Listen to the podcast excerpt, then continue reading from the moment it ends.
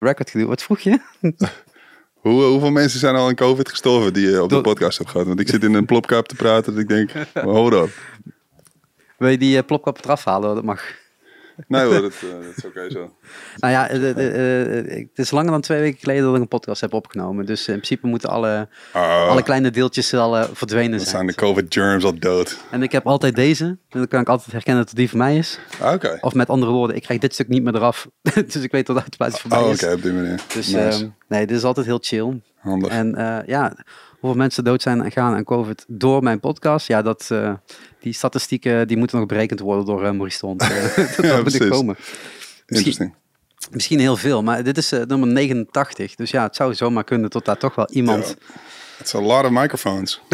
Weet je? Althans, a lot of users on the same microphone. Deze microfoon kan een COVID hard zijn, we don't know. Ja, Superspreader event. ja, en dan heb ik er ook nog eens een keer sessies mee opgenomen. Dus gewoon clips en zo. Ja. Dus dat zijn er dan nog hebben ook meer. gitaren met COVID, en drumstellen met COVID. Nou, Ja, die mogen de bands toch echt zelf meenemen. Dat ga ik niet zelf lopen doen. nee, Ja, nee, dit... eh, we good.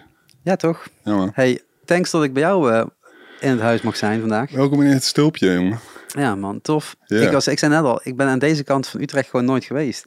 Ik rij altijd gewoon die brug over en dan ga je zo richting eh, de Tivoli en de Helling en, eh, en dat soort dingen. Oh, wauw. Nee, Maar dit, is, richting links, dit is de mooie eh, helft. de rest is waar het allemaal gebeurt, zeg maar. Maar hier is het soort van dorp. En ehm, nee, Lombok is, is, mijn, eh, is mijn favoriete wijk in Utrecht. Was het al eh, toen ik 18 was. en, en nu zit je hier. Ja, en nu hebben we hier een huis gekocht. Lekker toch? Zo, Een yeah. eigen plekje, onder de zon, letterlijk Ja, vandaag. Ja, definitely. Nou, kijk Het eens aan. veel te heet op het dakterras. Can't go there. Nee, we zitten gewoon lekker chill in je woonkamer. Ja man. Lekker. Ja, we hebben de schaduwkant, dus we zijn kalm hier. Ja, dit is wel fijn. Want het is echt iets van eh 28, 29 graden. Yep. De, de- de zomer moet nog beginnen. Ja, crazy hè? Ja. Zomer duurt nu eh, vier maanden, vijf maanden denk ik. Elk jaar. Toch? De laatste, ik- ik- laatste twee jaar volgens mij is die zomer echt veel langer dan normaal. Ik ben voorstander zolang het maar niet te heet wordt. Een zomer mag best lang duren, maar niet te heet. Right. Niet die eh 35 plus. eh, Nee, dat is een beetje too much. Maar ik ben het met je eens. Het mag best lang duren. En dan mag de winter ook wel weer gewoon drie weken vriezen. Dat vind ik dan niet zo maar niet te veel regen. Vriezen is oké, maar Nee, alleen maar klopt. de regen dat je helemaal Nee, van hey, wordt, is ook niks. de natste maand is dus, was juni volgens mij. En ik ben benieuwd of dat nu mei is geworden. Want als ik dat niet zo voorgeschoven is. Ja, omdat Ja. dus, you know, climate change. Maar ik weet dat omdat vroeger eh, wij organiseerden festival Roffest. Dat was dan de festivalversie van de feestjes die we organiseerden in Utrecht, Rof. En eh, dat deden we met Stichting Habek, daar was ik artistiek leider van. Ehm, en op Roffest was de deal altijd van, oké, we, moeten, we moeten een festival plannen in een maand dat niet te veel festivals gaande zijn, weet je wel. Ja, laten we dat doen. En toen, toen kozen ze dus juni. En toen kwam het er zo'n beetje aan. En toen gingen, gingen we checken van, ja, wat voor weer eh, gaat het eigenlijk worden? En toen kwamen we erachter dat juni dus de natste maand van het jaar is. En like, we dachten, hè? Hoe kan dat? Hoe is het niet in de herfst de natste maand van het jaar? Het is puur dat gevoel ergens in je hoofd van, nou, maar juni is zomer, dat komt wel goed. En dan plan je dat. En dan kijk je dan op die weerapp en dan denk je, Damn. ah shit. Maar als ik dus nu naar mij kijk, denk ik, oké, dat is de nieuwe juni. Ik hoop het van niet. Ik hoop dat we dat gewoon skippen, gewoon lekker naar april. Daar zit paaspop, dat is allemaal tenten, dus dat is prima. Zet staan de mensen. Fair enough. Maar mei is bevrijdingsfestival, waar ik ook voor werk. Yep, En dat is buiten. yep. En dat is, dat is altijd zo, de ene jaar hebben we geluk. Moet je nog heel even eh, tien jaar extra climate change en dan ben je, zit je gebakken, letterlijk. oh, ik weet niet wie daar blij van wordt eigenlijk. Nou ja, eh, als het voor het festival goed is, moeten we alles voor over hebben. toch? Alles, alles. Maakt niet uit of het Maar hoe lang hebben we dan een festivalzomer? Is het dan een festivalzomer buiten eh, gewoon eh. Ja, mei tot en met oktober dan? ja, zoiets. Ja, tot en met september nu, Nou, denk ik. Voor iedere festivalganger, we kunnen er iets aan doen. Definitely. Definitely. There's, there's a lot of money to be made. En er zijn veel parties om in te halen nu na de lockdown. Dus Ja. we kunnen wel een twee maanden extra zomer gebruiken. Vind ik. Ik ben wel blij dat mensen nu een beetje gewend zijn aan je stem en nog steeds geen idee hebben als ze niet op het plaatje hebben gekeken wie je bent. Ik vind het wel tof eigenlijk. Gewoon lekker na vijf minuten. Zullen we een beetje een introductie van jou doen? Ja, dat is- Buiten het feit dat de, de, de, de mensen die eh, mij gevolgd hebben de afgelopen jaren en naar foto's hebben gekeken, hebben jou sowieso voorbij zien komen. Of course. Eh, ergens beginnen 2011, eh, denk ik, eh, 2012. Ja, Zoiets met Kiteman? ja, ja dat was... eh, ik ben Pax, by the way. Ja. Eh, voor de mensen die zegt dat toch... Of was de, was de sport om dat juist zo lang mogelijk uit te Ik stellen? kon een quizvraag ervan maken. Oké, ja, dat was inderdaad een optie. Met eh, de vinyl record van mijn nieuwe soloplaat als, als award. Nee, plug. Ehm, wat zei je ook alweer? Waar was je? Waar had het over? Nee, de, met de foto's die ik gemaakt had begin, eh, begin Oh, ja. 2011, 2012. 2011, yo, dat was early days. Dat was inderdaad met de Kite Man eh, Orchestra. Dat we toen nog eh Kite Man's Hip Hop Orkest heette. Mhm. En dat hebben we uit de grond gestampt in 2008 of zo. Ehm, op tien hoog in Overvecht in Utrecht. En dat was Colin Benders met mijzelf en Ben Hartman, Reason. eh, de Franstalige MC. Eh, en, en Kai trapte daar de deur binnen van eh, ik wil muziek maken met jullie. En toen zijn we dat gewoon gaan doen. Toen heb ik, toen was Kai, die had nog nooit een hip beat gemaakt in zijn leven. Die had alleen maar drum en bass en punk shit en trompet, jazz Ik wil zeggen dingen. van alles op zijn... Met Relax heeft hij volgens mij nog Ja, meegespeeld. Klopt, daar kwam Lex vandaan. Ik had Illicit achter de rug en Pax Pry. En ehm, ja, toen was het van eh, laten we shit maken. Toen we een jaar lang shit gemaakt, heb ik eigenlijk al mijn vrienden gebeld die Engelstalig eh rapten. En die hebben me uitgenodigd en die hebben allemaal verses gelezen. En ja, toen was de Hermit Sessions af eigenlijk. En wisten wij veel dat dat dubbel platinum ging gaan. En dat we het sinds 2009 volgens mij alles hebben uitverkocht. Dus ja, in, in jaar Was- twee van die gekte kwam jij even een paar fotootjes maken. Het was echt van, eh yo. Ja, ik, ik, ik weet niet als ik jullie eerder heb gezien. Ik was gewoon door mijn, door mijn lijst aan het, eh, aan het scrollen. Eh, mijn geeklijst staat namelijk gewoon op mijn, op mijn website. Gewoon ook gewoon voor mezelf om bij te houden. Waar ben ik überhaupt geweest? Want op een gegeven moment op mijn hoogtepunt qua foto's maken... was het ergens rond de 200 shows per jaar. Wauw. En toen dacht ik, ja, dit, is, dit gaat te ver. Toen heb ik teruggeschroefd naar 150 en nu zit ik een beetje rond de 100. Nou, afgelopen jaar natuurlijk nul. Nog steeds maar, veel. Ja, nog steeds veel. Maar het is natuurlijk ook gewoon... Ik heb op een gegeven moment gezegd, ik ga alleen maar in Limburg foto's maken. Hmm. Waardoor alles in de buurt ligt. Dus ik kan in een kwartier, half uurtje, heb ik gewoon twee, drie shows op een avond als ik zou willen. Dus dan tikt het wel. Smart. In plaats van iedere keer, of iedere keer naar, eh, naar Den Haag te rijden of Utrecht te rijden of Amsterdam te rijden, wat gewoon ver is. En dan Ja. kun je echt maar één show doen.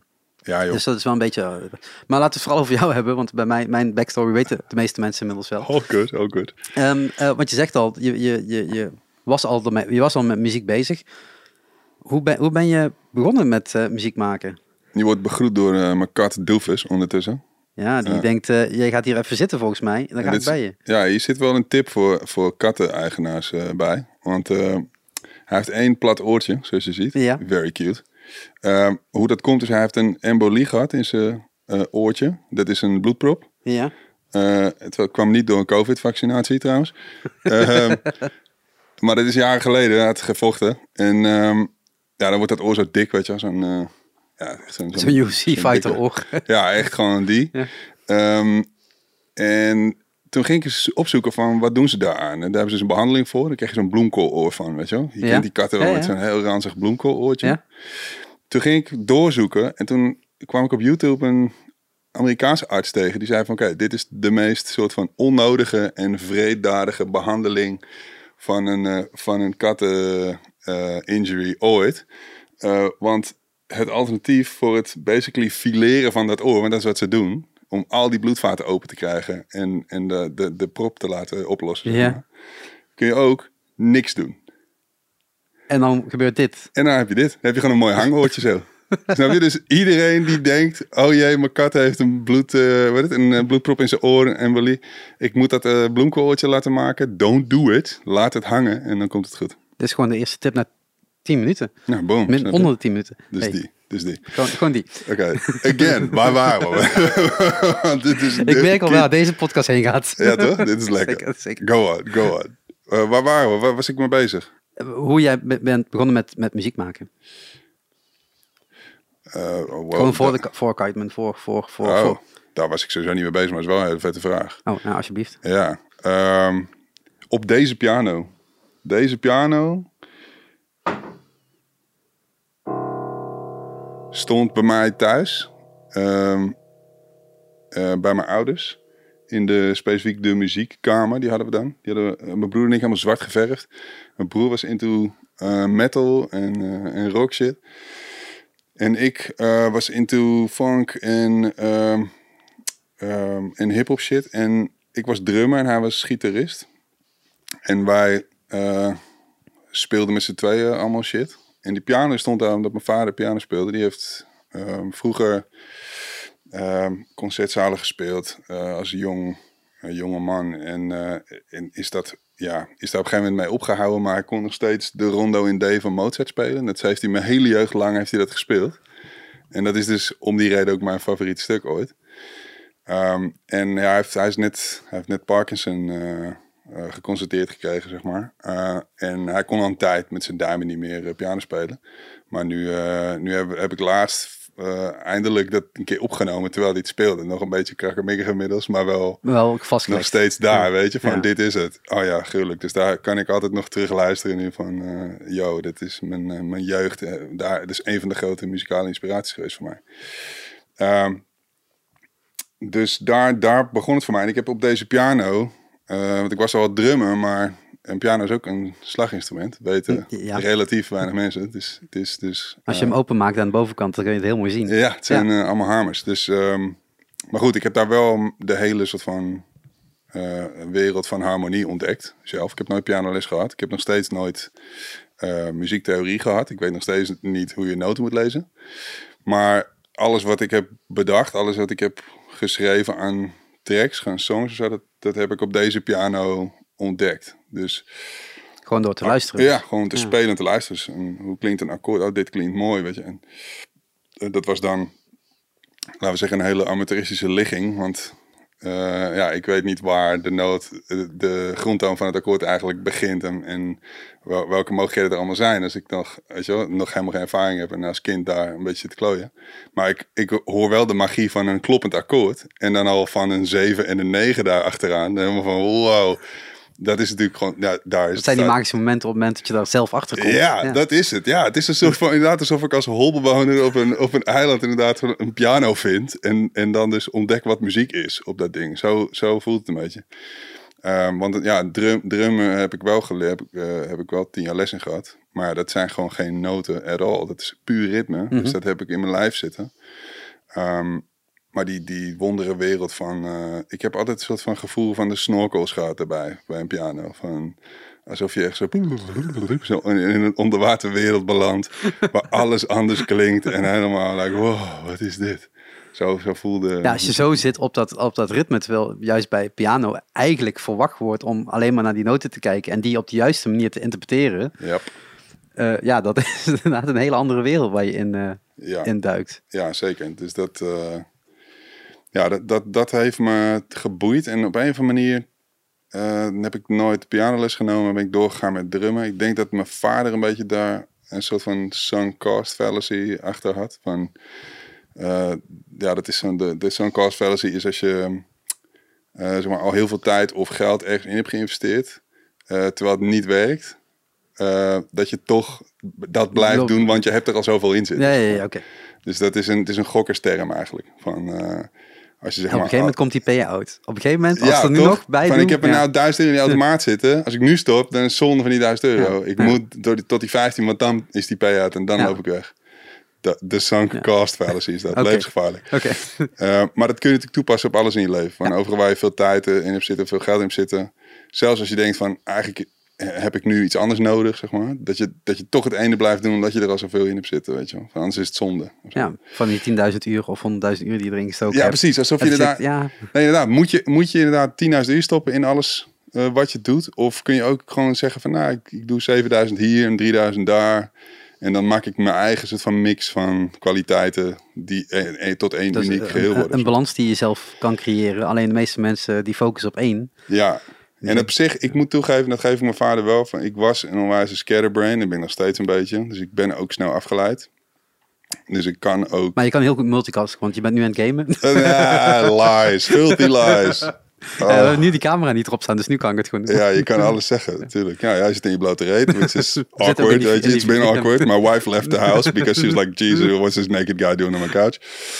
Nee, eh, ja, eh, dus, dus die, die sunk fallacy. En, en ehm, daardoor heeft mijn pa me op, eh, op drumles gehouden, soort van. En ik denk, hij hij had pianoles altijd ook wel gesupport. Dat is één ding wat mijn ouders altijd hebben gedaan. We hadden het niet super breed, maar ze hebben wel eh, voor muziekles eigenlijk altijd alles gedaan. Dus als ik een drumkit nodig had, was er een drumkit. Als ik eh, muziekles wilde, kreeg ik muziekles. Als ik piano had gewild, dan had ik dat er zo bij kunnen doen. weet Ja. wel. Maar somehow it never happened. En, eh, want, want ja, een soort van de poetry kwam toen al erin. En toen ben ik dus, dat werd al heel snel rap en zo. Had ik, had ik eh, Reasonable Doubt van Jay-Z. Ja. En die, er waren nog geen instrumentals, er was nog geen internet. Was, eh, shit, nou, nou, nu verraad ik echt hoe oud ik ben. Er was, er was Volgens internet, ben ik ouder er dan jou. Maar dial-up dial age. Het was, eh, het- het was eh, oude modem, super traag shit. Ja. Dus, dus ik had geen access, zeg maar. En, en Google was nog, als het Nee, bestond, dat- nee, was dat Alta Vista nog. of was, Ilse toch? Alles op Ilse. Zoiets. Nou ja, anyway, de voorgangers. Dus absoluut nog niet.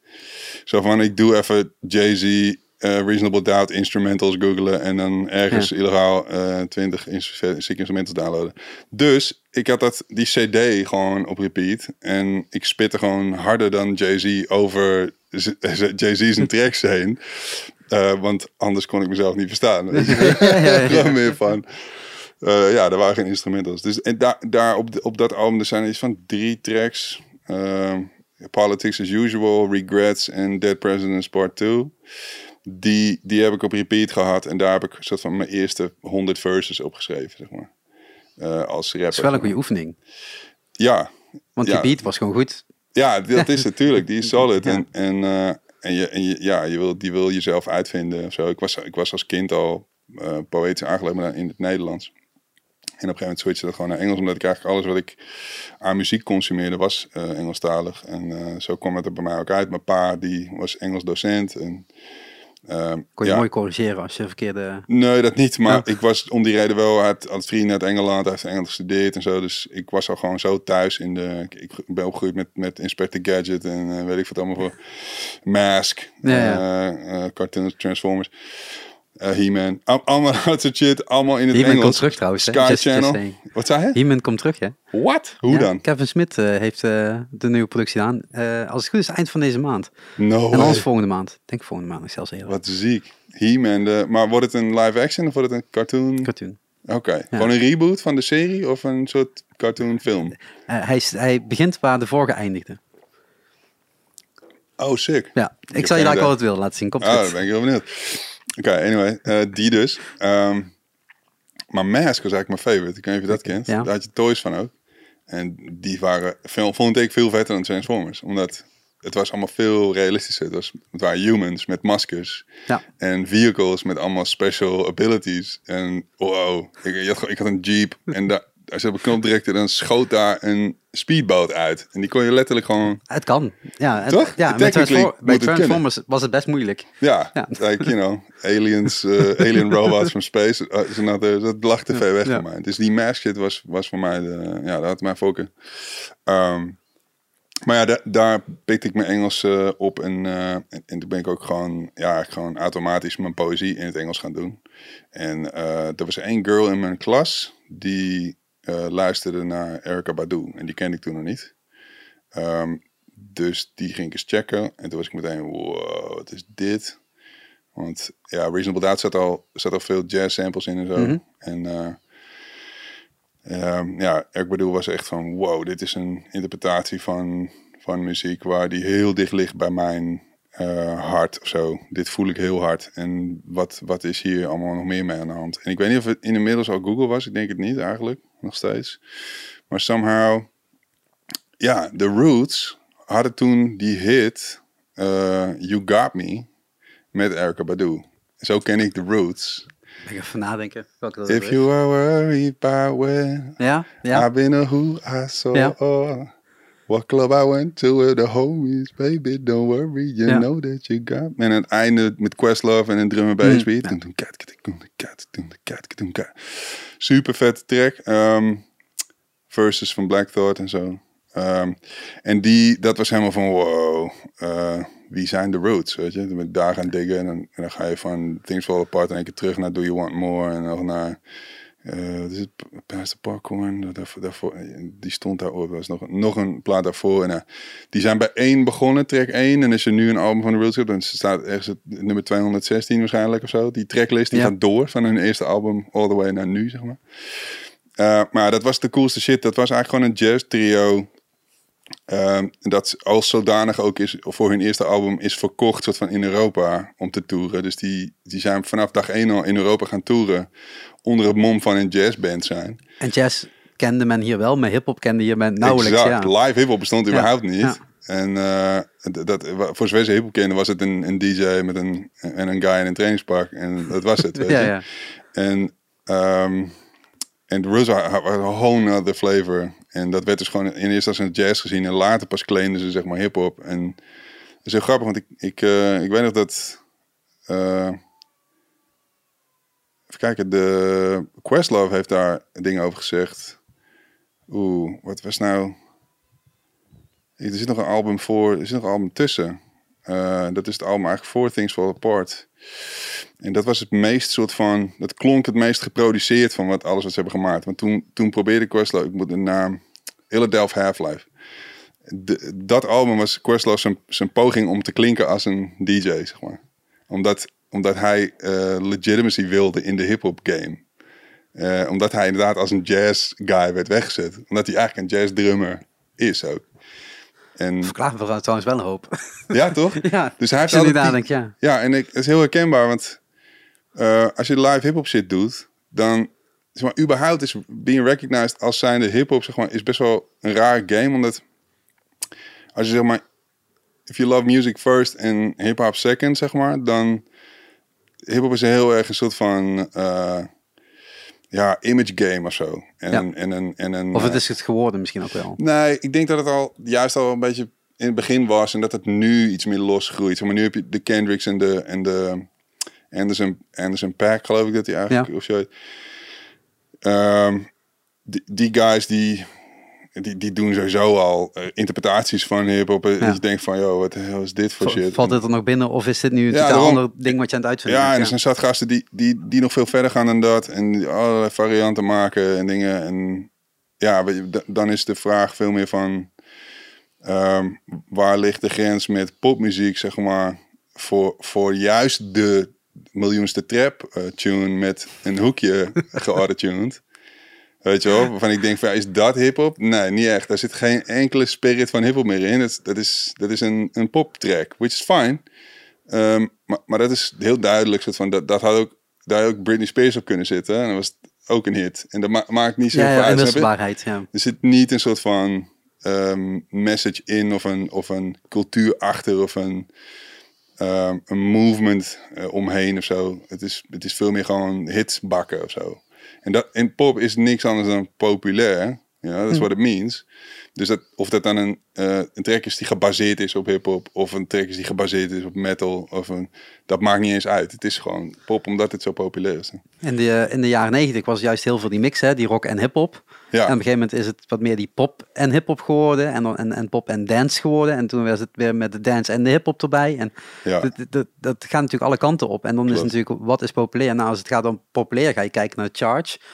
En dan Ja. zeg je van, nou, dan is hip-hop opeens popmuziek geworden. Ja. Want dat was de definitie die we... Zeker. Maar dat Ja. was, dat was al bij de uitvinding zowat. Weet Ja. je? Zo van, je had natuurlijk al wel de Last Poets en, en eh, Gil Scott Heron die, die meer de poetry jazz soort Mhm. van variant deden. Ehm, maar vanaf het moment dat... eh, toen, toen kreeg je een soort van die, die uitvindingsfase met Africa Bombata en, en ehm, Ja, echt die, die de Grandmaster Flash, eh, Flash en, en die, die soort van generation. Maar al heel snel ja, kreeg je Grandmaster Flash dan met de message, maar ook die Sugar Hill Gang Ja. shit. En, en dat ging de wereld over. En dat was al, daar was het al commercieel, maar. Dat was al, dat was in de 80s, denk ik. ja, laat, Dat, dat ja. was, daar nam het al over. Ja. Dus worldwide was het in één keer een phenomenon. Like hip-hop. Dat is. Op, op het moment dat zi- iets zo explodeert, claimt het natuurlijk al een soort van piece of the pie van popmuziek. Mhm. En dat is, dat is eigenlijk wat dat is. Maar daar groei jij in op. En dan krijg jij gewoon al die dingen naar je toe gesmeten. Ja, dus als je, Van- als je nou goed meer van, als je, eh, kijk, hip-hop is wel een soort van tradition, een soort van book, een soort van movement waar je, waar je in opgroeit, waar je van leert. Dus Jay-Z was, was meer gewoon puur lyrical skill, attitude, stemgebruik, freshness. En vanuit de roots en, en op een gegeven moment Carmen en uh, Mos Def en Talib Kweli en uh, uh, die hele soort van Pharaoh Monk, Monk en, en die hele... Maar die zitten voor mij veel meer op de tekst dan op de beat. Tuurlijk, want dat was mijn poetry ding was gewoon van ja, en dat, dat was ook wat Jay-Z me niet kon leveren. Behalve een soort van vette punchlines. zocht ik nog een message erin of zo. En ja, dat, dat vond ik dus een hele nieuwe classic soul movement. Waar, waar al die hip-hop guys, D'Angelo, uh, Jill Scott, uh, Erika Badu, Bilal, uh, die zaten er allemaal ook weer mm. omheen. En daar zat heel veel energy in, zowel muzikaal als lyrica voor mij om om van te leren, om, om op door te werken of zo, weet je. Van, dit is een, een chapter in hip waar ik ook pages voor heb, weet je wel. Van, dat ga ik maken ja, ja, Zo. Dat, dat, toen wist ik van, oké, dit, is, dit is waar ik op voort wil borduren of zo. Um, ja. Uh, daar, daar, daar oh. begon het te connecten antwoord 1 op de eerste vraag. ja, dit is, ja, dit is antwoord 1 op de eerste vraag. Uh, ja. Nee, maar dan, dan ga, je, ga je dan wel een, een, een, een uh, je, je tijd verdelen in dat geval tussen de drums en de tekst? Of was het toen eigenlijk van, ja, ik laat die drum wel eigenlijk staan, want ik merk gewoon... Nee, dat waren twee, ja, dat, nou, ja, misschien een beetje het laatste, maar het waren twee totaal aparte sporen. Dus je had, um, ik had drumles en dat was natuurlijk gewoon in een, in een bepaald stramien van wat er, wat er mogelijk was als drummer in Nederland. Je had mhm. geen hip-hop bands of zo. Dus ik, uh, ik, ik, ik, was sowieso als de dood om op te treden, eerlijk gezegd. Maar ik moest dat een keer doen voor, voor, bij die muziekschool. Gewoon met dan een soort van band daar. En uh, daar zaten wat boys in. Dat deed ik toen. Het is geen zevenkleurig bagger, maar ik heb het gedaan. En toen zaten daar boys in die, uh, die hadden een eigen band. En die maakten rockcovers en zo. En en die uh, zei meteen van, yo, kom je met ons mee uh, spelen? En uh, oké, okay, weet je wel. En I guess. En toen ben ik dat maar gaan doen of zo. En dat waren wel vette tunes in de zin van hun, hun trekkeus was vet. Allemaal tracks die ik kende van mijn broer wel. Die dus ook rock luisterde. Ja. Van, oh ja, dit, is, die kan, dit kan ik wel diggen, weet je. Gewoon je Pearl Jams en je um, Soundgarden en je... Um, Alice in Chains en je weet ik voor het allemaal voor zieke drumpartijen ook, uh, Red mhm. Chili Peppers en zo. Um, en tracks die ik wel kon diggen, dus ik dacht van ja, let's fucking go, weet je. Um, een beetje geld verdienen ermee, let's do this, weet je. Ik was uh, eh, 16 of zo, ik was al lang blij dat, uh, dat er wat gaande was. Uh, dus ik kwam redelijk snel over die angst heen. En uh, ik werd heel erg aangemoedigd, want iedereen was van, yo, je kan echt spelen. En, dus toen zijn we dat gaan doen. En toen ja, ik, ik merkte wel van ik, ik werd ondertussen dus naar die rap shit toegezogen. En die zat wel weer op mijn zolderkamer. Dus daar moest ik allemaal dan weer uit gaan vinden hoe dat dan live moest gaan zijn en zo. Maar het zikke was dat in, in die band waarmee ik als drummer speelde, zat ook Michiel Bell, a.k.a. Principal, a.k.a. Bry. De man waarmee ik later, uh, toen ik ging studeren, uh, uh, die kwam ik daar tegen op Centraal. En die kende ik dus uit die band. En die zei van, ja, wat doe je tegenwoordig? Ik zei, ja, rap. Hij zei, oh, uh, ik heb een band, Six of Best Friends. Kom je daar langs? Misschien kun je spitten. En toen had ik inmiddels bij de introductie van mijn studie uh, Darman Nokai ontmoet. Uh, Attacked ik nu, ja. Spark Up, uh, dubstep dingen, weet ik wel. Uh, en, en ik rolde met hem en wij deden rap shit samen al. Dus toen heb ik hem meegenomen naar de oefenruimte. Um, en toen zijn we gewoon gaan spitten voor Six Friends. En daar kwam weken later, denk ik, Colin Benders binnenlopen. Als twaalfjarige met een trompet onder zijn arm. En ik weet niet, maar ik was aan het trollen op dat moment. En schijnbaar heb ik, heb ik soort van zijn trompet gepakt. En die een soort van ge, gememe-raped. Uh, which is not okay, maar dat was een soort van uh, in mijn in de uh, flow meegegaan. Ja, in mijn enthousiasme met jokes makend. En, en Colin heeft echt gewoon vorige week me daaraan herinnerd. Like, die is dat nooit vergeten. Die is, die is zelf nu in de 30. En die is helemaal nog steeds getraumatiseerd van dat ik zijn trompet heb. Um, maar dat is even een side note. Uh, van een side note, van een side note, van een side note.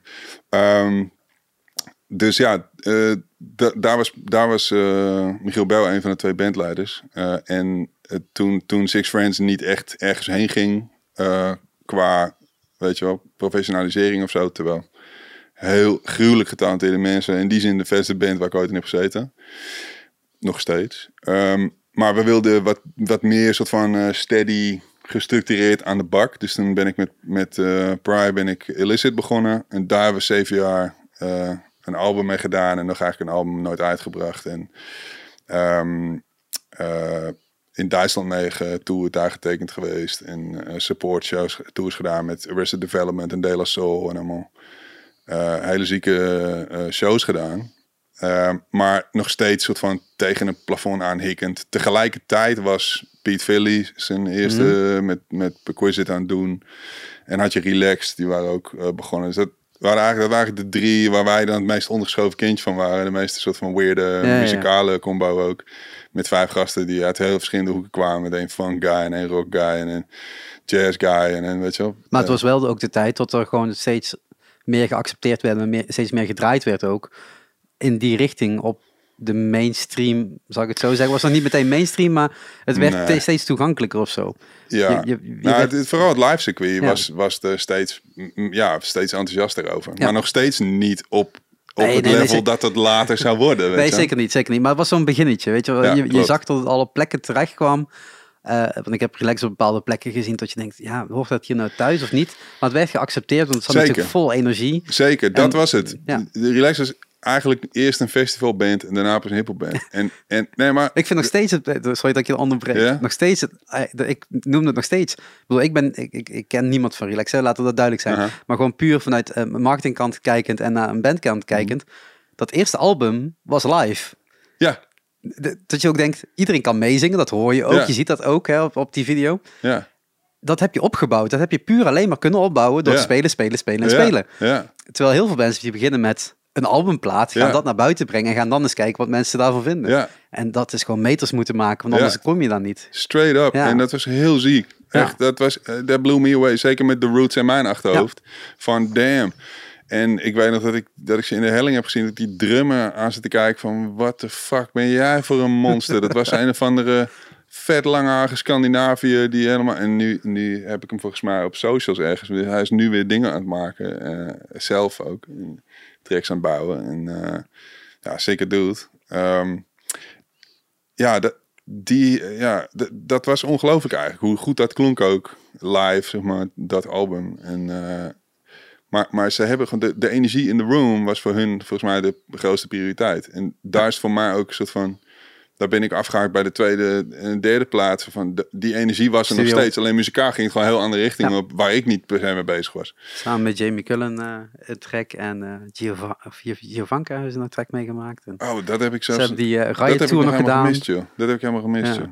Maar dan, dan merk Maar- je altijd dat er een verschil in zit. Inderdaad, het, het, het live spelen of een, een studioplaat opnemen. Nee, definitely. En kijk, ik vind het alleen maar vet als mensen zichzelf opnieuw uitvinden. Hoor. Ik haat het als, als bands zichzelf gaan coveren. Of weet je, dat je de soort van zoveelste...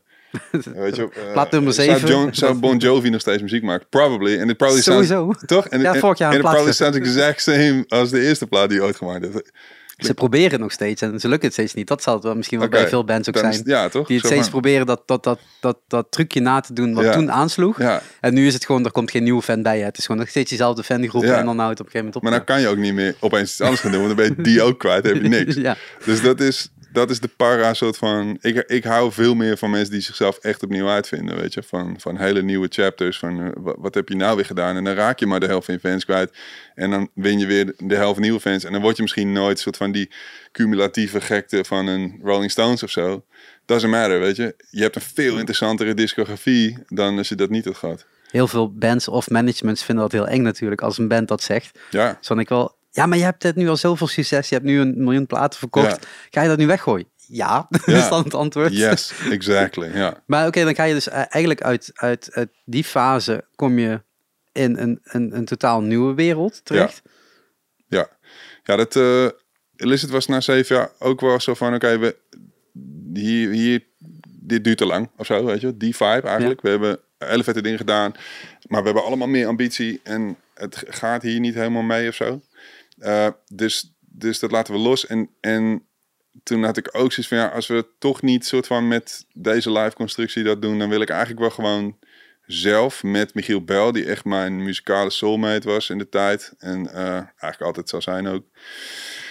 Uh, ja, we gewoon tracks zitten bouwen zelf. Dus uh, wat gebeurt als wij met z'n tweeën gewoon gaan produceren thuis? Weet je, dat deden we helemaal early days van Elise deden we dat ook al, maar, dan, Mhm. maar dan met live drums in diezelfde muziekkamer waar deze piano stond. weet je, wel, deden we gewoon. eh deed ik op, op de piano eh, dingetjes bedenken. Deed hij, eh, hij speelde toen heel veel jazz, gitaar. Hij studeerde toen nog jazzgitaar en, en hij had heel veel sikke likjes en en we tapten dat gewoon gelaagd over elkaar. Dus het was eerst gewoon een eh, drumpatroon bedenken, maar de hele track eigenlijk uitspelen met drums. Dus gewoon die bars van, oké, ik ben nu bij 16, oké, dit is de hook, oké, dit is de hook. Maar, maar gewoon die drums soort van inspelen. Dit is nog zonder computer dan, toch? Ja, ja, ja, ik dit tape deck echt- En, ja. dan, en dan in de room die, die aanzetten en met een nieuwe tape deck dat geluid opnemen. Dus je had een soort van 5 degrees van ruis. En dan begon die track en dan hoorde je nog wel, zeg maar, die beat. Het was voor onze manier om te schetsen met gewoon een cassette recordertje, twee cassette recordertjes. Ja. En eh, da- daar hebben we eigenlijk die hele eerste soort van illicit dingen ook eh, opgenomen. En eh, met hem had ik heel erg die vibe. En dus na die zeven jaar illicit, of eigenlijk na de vijf jaar al zijn we dat on the side gaan doen, hadden we natuurlijk zelf al wel computers, software, Mhm. weet ik wat allemaal. Ehm, en toen zijn we gewoon beter gaan tapen, eh, beter gaan schetsen met z'n Ja. tweeën. En dat zijn eigenlijk de Pax Pride platen. Dus daar zijn, daar zijn twee platen, Day at the Office en A Day Off. Eh, Ja. En eh, ja, dat, dat, dat was soort van ons. Dat is super underground. Dat kent eigenlijk niemand. We hebben ook nooit shows gedaan. Maar er zijn nog steeds mensen die op me afkomen. Die zeggen van, yo, die Pax Price shit, man. Damn. En ik, yes, yes. Eh, dus ja, dat, dat, eh, dat kan ik wel waarderen. Want dat, dat is ook echt... Ja, dat is een van de platen die ik zelf het liefst opzet. Nog van alles wat ik heb gemaakt. Zeg maar. Maar dan heb je ook gewoon je, je, je, je ziel en zaligheid, zeggen ze dan. Hè? Ja, Je hebt dat zo, zo letterlijk zelf op de knoppen moeten duwen om het goed te krijgen. ja. Dat, dat, dat geeft natuurlijk ook wel een ex- extra gevoel daarin. En je hebt natuurlijk zoveel jaar ervaring meegenomen op dat moment al. Dat je ook kan zeggen van nou, hier staat dan ook iets. eh, waar ik misschien nog wel net iets trotser ben dan het op de allereerste noot spelen. Want ja, toen was het hè, in, in een coverband spelen, ja.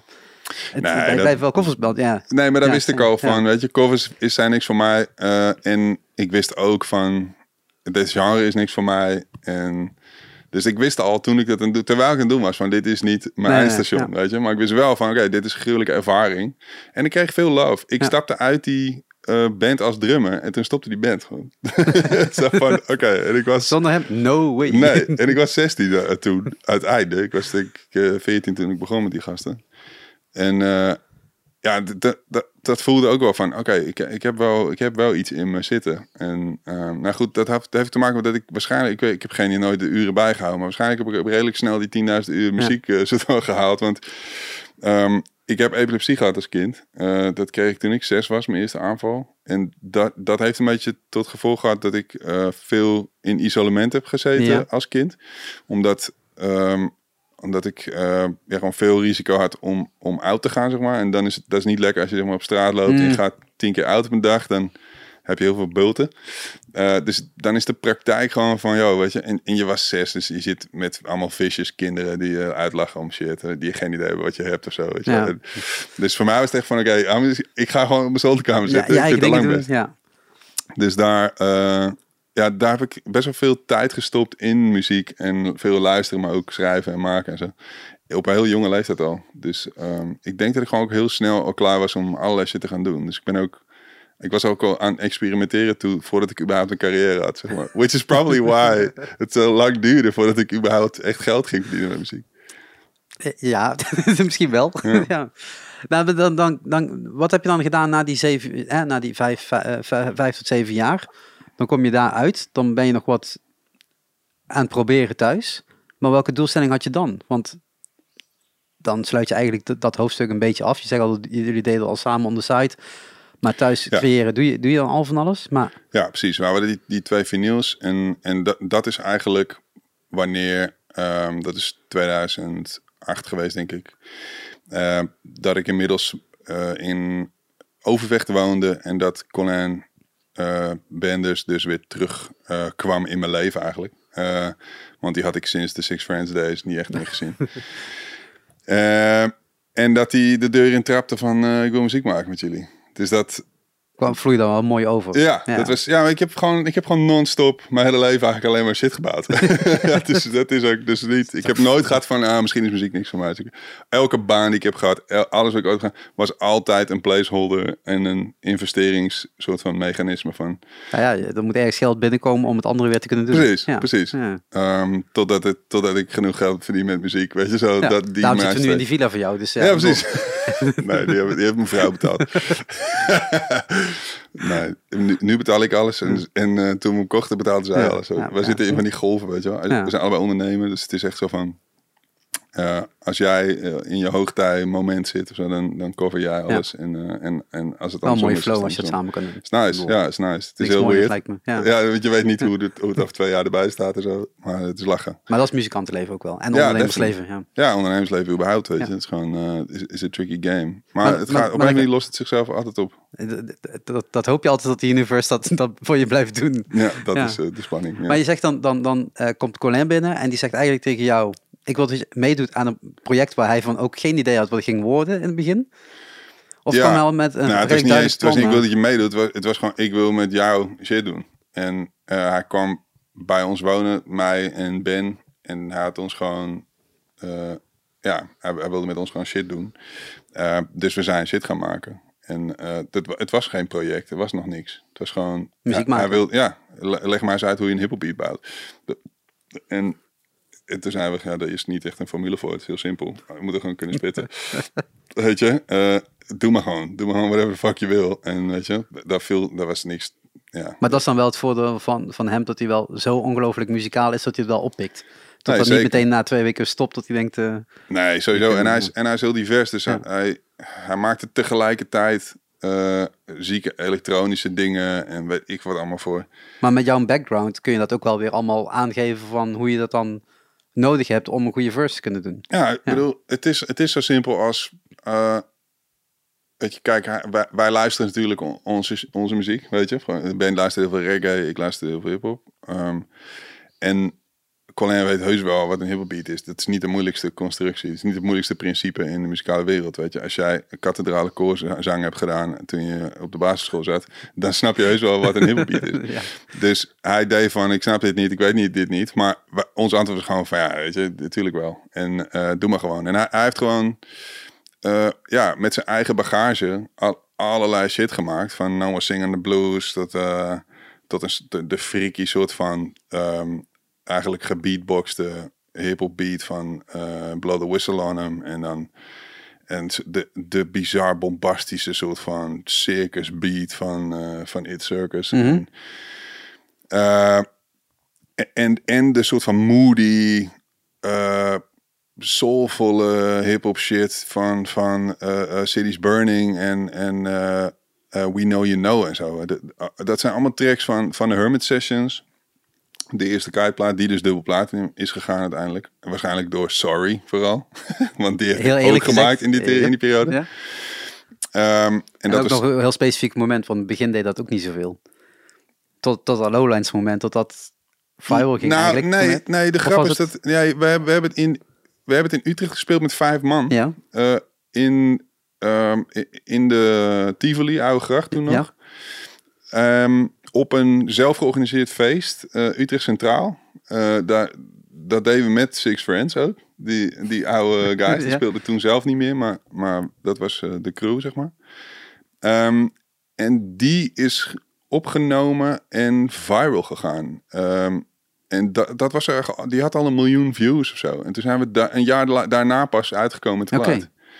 Dus, en, en pas een jaar weer daarna hebben we Lowlands Ja. gespeeld. Dus dat is zit twee jaar tussen of zo. En, maar er zit ook een heel orkest opeens. ja, ja, ja, ja, ja, Dus werd, dat werd iets ander, ja, dus, ander gevoel, ja. ja, dus, eh, ja, Maar, dat- maar je- hij maakt dus dan beats.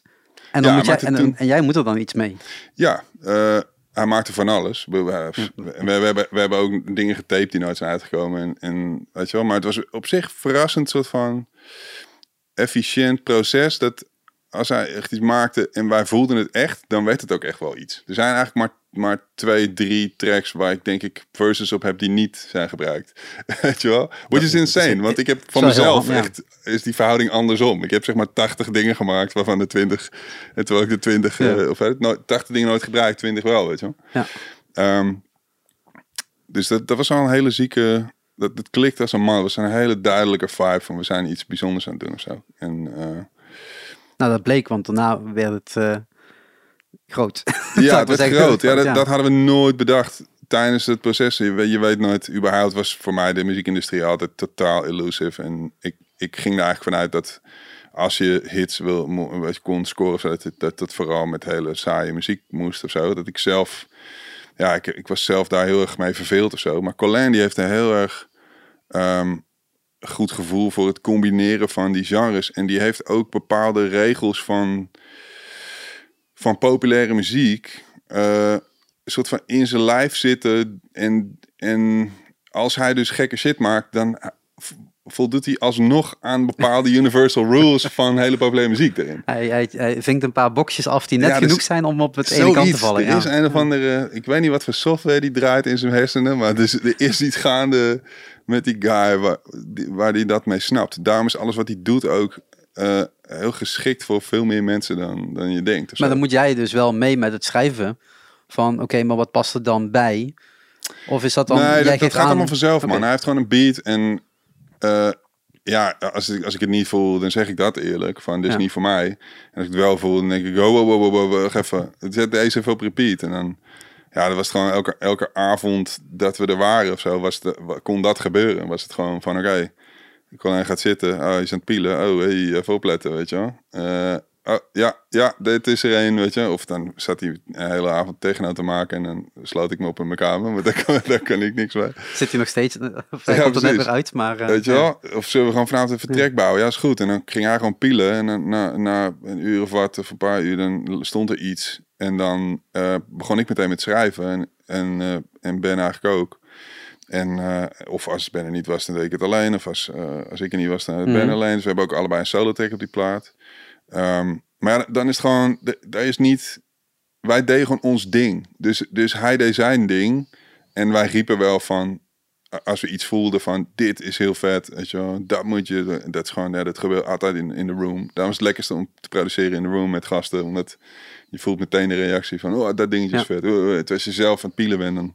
Weet je, dan... Vind je zelf heel leuk en dan nou het op uh, als het bij de volgende komt te liggen? Of ja, niet, maar ja. überhaupt gewoon luisteren naar je, je eigen shit terwijl je het aan het maken bent, is best wel lastig. Vaak kun je pas uh, in een veel later stadium terug horen en denken, oh, dat is eigenlijk best wel vet, ja. weet je wel? Uh, dus je gaat op zich wel hard op iets, maar je weet, je, je weet niet of je het wel kan vertrouwen, want je zit ook je, zit ook, je bent het ook aan het maken tegelijkertijd. Dus dat je bent per definitie al niet neutraal nee. of zo. En mensen in de kamer die, die hebben heel eerlijke reacties op geluiden. Ja. Dus dat is gewoon van, ja, um, je, je voelt in de room van, oeh, wacht even, ik heb iets nu, weet je wel. En dan ga je daarop door en daarop door en dan, en dan ga je, uh, weet je wel. En voor mij is het gewoon van, oké, okay, ik een zieke, oh boom, dan heb ik al meteen een flow in mijn hoofd. En ik heb mijn dag geleefd en mijn week geleefd en mijn maand geleefd. En ik heb iets te vertellen en ik ben in mijn mindstate en boom, dan, dan komt dat gewoon. Maar jullie kregen sowieso gewoon ook op het podium ongelooflijk veel ruimte om te doen waar jullie goed in waren. Het is niet dat dat een, in ieder geval zo lijkt het vanuit de buitenkant, een super gestrikte organisatie was van je moet nu de, de, deze noot halen of op, op deze plek dit doen. Nou, er is best wel wat ruimte in. Jawel, nou, ik weet niet. Ik denk, ik denk dat, dat de muziek is gemaakt in de ruimte. Dus dat ja. die ruimte er per definitie is. Dat we daarin hebben geleefd. Maar we hebben wel de, de, ja, de, de oplossingen gevonden voor alles. Dus ja. er, er is wel, een hoek is heel specifiek. En daar zitten stukjes vrijheid in. Weet je, zoals aan het einde van Cities Burning of zo. Dan, dan vamp ik gewoon los. En mm -hmm. weet je, whatever happens, happens. Um, maar um, tegelijkertijd is het wel van, weet je, een hoek is een hoek, die heeft een bepaalde melodie en die gaan we niet elke keer lopen, lopen variëren nee. of zo, snap je? Van, nee, in die zin is het wel hebben, van, ja. je moet die noot wel halen. Ja, en zeker als je met een orchestra speelt, toen werd het al meteen, wat dat betreft, ja, iets, uh, niet procedurele, maar wel een soort van, belangrijker dat iedereen op het juiste moment op de juiste plek zat. Want je hebt, als je, met hoe meer mensen je bent, hoe minder vrijheid je individueel he, ja. hebt in principe.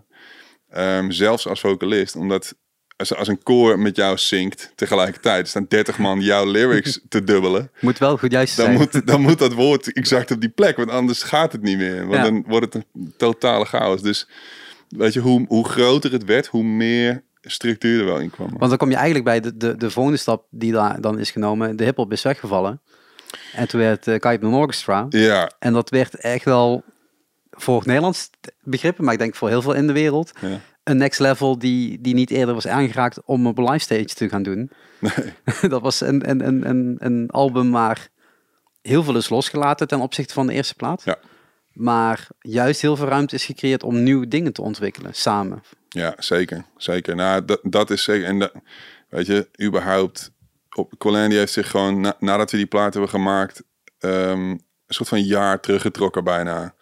eh, om, het, om organisatorisch alles een beetje op poten te krijgen. Eh, hij had heel veel geleerd, volgens mij ook van, van Relax en hoe dat is geregeld geweest. En eh, toen heeft hij dat orkest zitten uitdokteren. En, en, en ja, op een of andere manier eh, ge- partners gevonden om dat dan mogelijk mee te maken. Dus dat was helemaal in het begin was de productiehuis zoals Nederland en eh, Jam, dat label, eh, waar toen Simon Kipski ook zaten. Ehm, en met Gijs Kerbos als manager. Eh, best wel een soort van indie eigen label-achtige vibes, maar wel serieus aanpakken. En ja, Ja, zelf een studio bouwen, zelf de eigen ruimtes. ja, dat, nou, dat, was, dat was nog later. Ik heb het nu echt over het jaar nadat, nadat we de Hermit Sessions hadden gemaakt. Maar de eerste plaat. waren.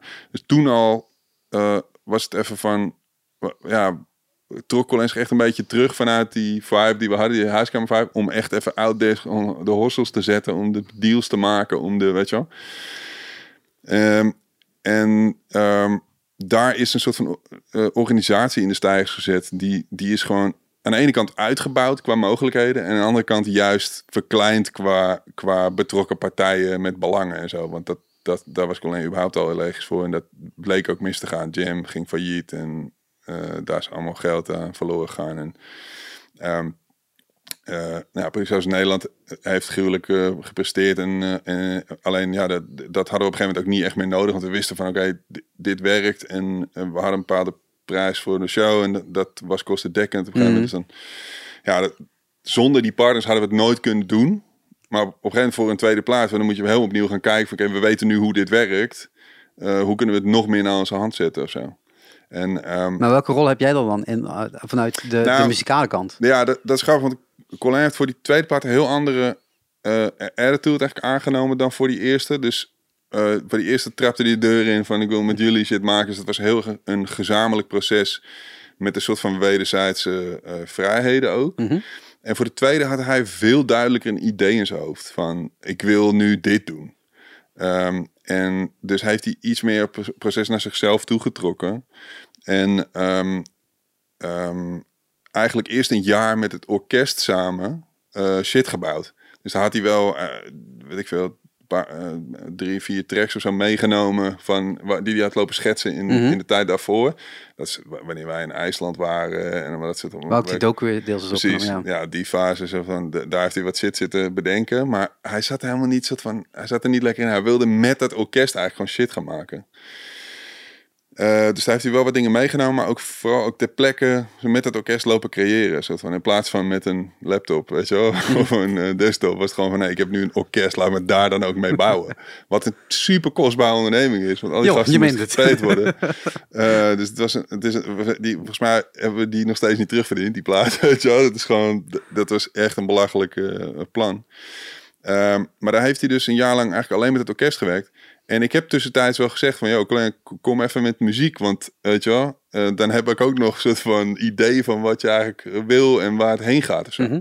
En, dat, en dat kwam maar mondjesmaat naar buiten. En dan kon ik een beetje soort van al beginnen erover na te denken enzovoort. Maar dat was heel, eigenlijk heel erg... Hij heeft echt een... Zo, voor, voor mij voelde het terug alsof hij zo, met dat orkest een hele berg heeft gebouwd. Met allemaal eigenlijk veel klassiekere stukken, zeg maar, dan, eh, da- dan dat we gewend waren.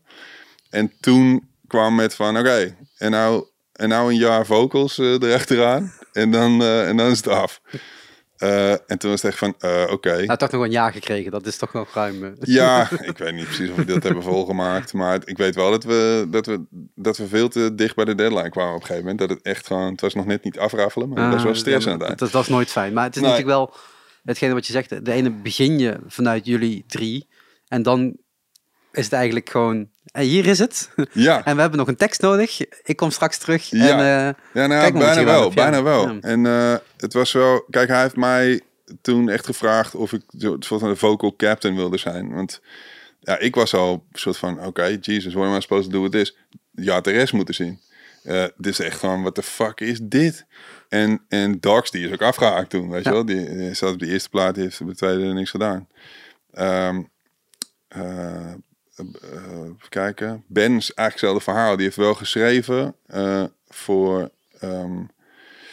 eh, poeh, eh, Preaching to the Choir. Dus zo'n Ja. zo'n koortrack is dat eigenlijk. ja, dat is eentje die heel vaak bij mij heeft opgestaan. Oh, ziek. Nou, Ja, dat, dit- daar heeft Ben dus in ja. geschreven. Eh, en dat hoor je natuurlijk ook wel. Ehm, eh, maar die heeft verder geen tracks op het album. Eh, wat ook bizar is. Want ja, Ben had samen met mij het leeuwdeel van de tracks op de Mhm. Sessions. En hij was echt een eh, elementair onderdeel van zeg maar, het founding trio of zo van het hele ding. Ja. Ehm, maar Ben kon er, kon er helemaal niks mee, weet je. Die had zoiets van, ik, dit is niet het proces wat ik wil. En dit voelt niet lekker, weet je. Gewoon, dus die is echt eh, voor die tweede plaat eventjes soort van... heeft hij een stap opzij gezet van... eh, you know, ik, als je iets kan gebruiken van mij, fine. Maar ik kan niks met deze shit. Snap je? Ja. Muzikaal gezien vind ik dit, is dit eh, niet waar ik zit nu. Ja. Dus, ehm, eh, nou, heel vet dat hij Preaching to the Choir heeft gedaan. Ehm, en ja, ik heb toen eigenlijk zonder hem in dat schrijfteam... Hij, hij heeft wel volgens mij nog even wel een tijd meegelopen ook... Om, om te kijken of er wat uitkwam of zo. Maar het was echt meer van, oké, we hebben deze track, we hebben die track. Gewoon limited supply aan tracks, zeg maar. Ja. En dan is het echt van, ja, wat, wie, wie kunnen we op wie doen, weet je wel? Dus eh Achie, best wel ziek dat hij gewoon is meegegaan eigenlijk voor de tweede ook. Ehm, die had No More Singing the Blues op de Hermit Sessions. En die, die heeft dus ehm, eh, Long Lost Friend of Mine eh, opgenomen. Oké, ja. En nou goed, ik heb, ik heb met iedereen die, die dus een track heeft op de tweede plaat, heb ik meegeschreven. Want het was echt van, oké, how the fuck does this work? en weet je, en ik, had, ik was gewoon de meest ervaren songwriter, zeg maar. Dus Ja. ik, ik wist op een manier wel te connecten. Omdat ik natuurlijk ook, weet je, ik had zeven jaar met Illicit getoerd met, met vijf bandleden die allemaal uit andere genres kwamen. Dus ik had daar wel een soort Een van beetje meer... eh, maken voor de rest. eh, Ja, ik, had, ik was meer gewend om Ja. om te gaan met foreign influence of zo dan, dan de rest. Die hadden veel meer in hun soul trip of in hun hip hop trip of in hun eigen trip. Mhm. En, en eh, voor hun was het moeilijker om dat, om dat te doen.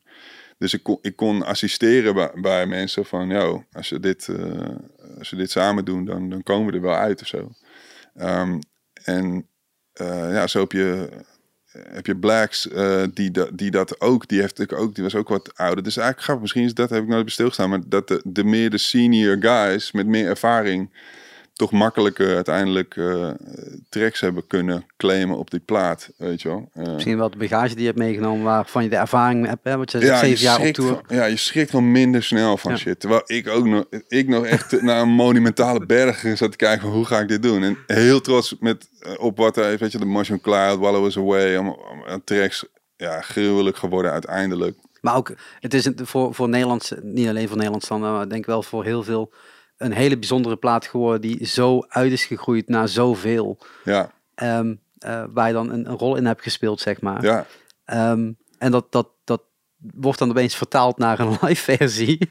Waar ik weet dat het ook nog een stukje is ingekrompen, want het niet het hele koor ging iedere keer mee in de bus. dat Nee. ging niet meer. nee. Ehm, eh, zeker in, eh, was het, Genk on stage. Dat was zo'n klein podium waar gewoon Ja. iedereen op elkaar eh, gepropt stond. Ja, ja, soms kwamen we gewoon met vijf koormensen. Ja, maar ik bedoel, ik ben toen naar de UK gekomen voor die Brixton Academy Show. Oh, Was dat? eh, Sick. eh, O2 Academy ja, Show in oh, Londen. cool, ja. Ik heb daar veel te lang op de grond alleen gezeten, want ik denk het wordt druk. Maar uiteindelijk bleek het alleen maar voor popo's te zijn eh, Ja. die echt pas eh, tien minuten nadat de show begon eh, binnenkwamen lopen. Dat was wel wack, ja. Ik denk, ja, dat kan gaan fan zijn, maar dat bleek dus niet, behalve één gek uit Nederland.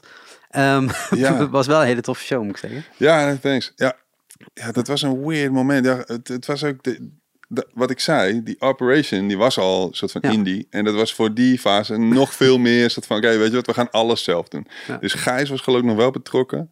Maar verder was het gewoon Kite en Erik. En dat was het, weet je wel. Ja. En dan had je wel eh, externe partners als Mojo en dat soort. eh, en zo kom je ook bij O2 Ja, terecht dan. Maar ehm, eh, ja, weet je, de, de hele, überhaupt de, de, wa- waar ze in het buitenland agents voor hebben en zo. eh, en promoters, dat soort dingen. Dat heb je in Nederland niet. Show promoters, dat heb je hier niet. Nee, nee. Snap je? De Dus venue doet het zelf. ja, zo van, en ja, precies. ja, die hangen toch een postertje op Ja. en dat is toch goed. En, en weet je, Dat- ja, dat, ik dat, ga is, toch dat is mijn job, hè, dat weet je. ik ga toch, oké, ja, ik ga toch viral op de oude gracht en dan komt het toch allemaal vanzelf. Ja, dat- maar nee, weet je, als je een nieuw land Ja. inkomt, dat is een whole nother operation. En ja, daar zijn we gewoon ignorant ingestapt van, eh, oh, dit komt wel goed. En eh, Ja, want Nee. je had eigenlijk gewoon heel Europa moeten overnemen met die show. Wil je daar geld aan gaan verdienen? ja, precies. Ik bedoel, je, je probeert, je zet gewoon voet aan wal hier en daar. Je, Ja. een keer in Italië gespeeld, een keer in Rusland gespeeld, een keer. eh, Die Duitsland, die, die eh, Showcase Festival volgens mij ook nog. Duitsland hebben we best wel, best Ja. wel veel gespeeld nog, eh, relatief gezien. En ja, dat, dat was eigenlijk de grootste soort van... zo, Oké, dit de meest kansrijke, Ja. weet je, dus daar gaan we gewoon op. En daar hebben we wel echt een toertje gedaan ook, was vet. Ehm, maar ook daar was het gewoon van... Oké, dit is zo'n zo'n ander land met zo'n andere requirements.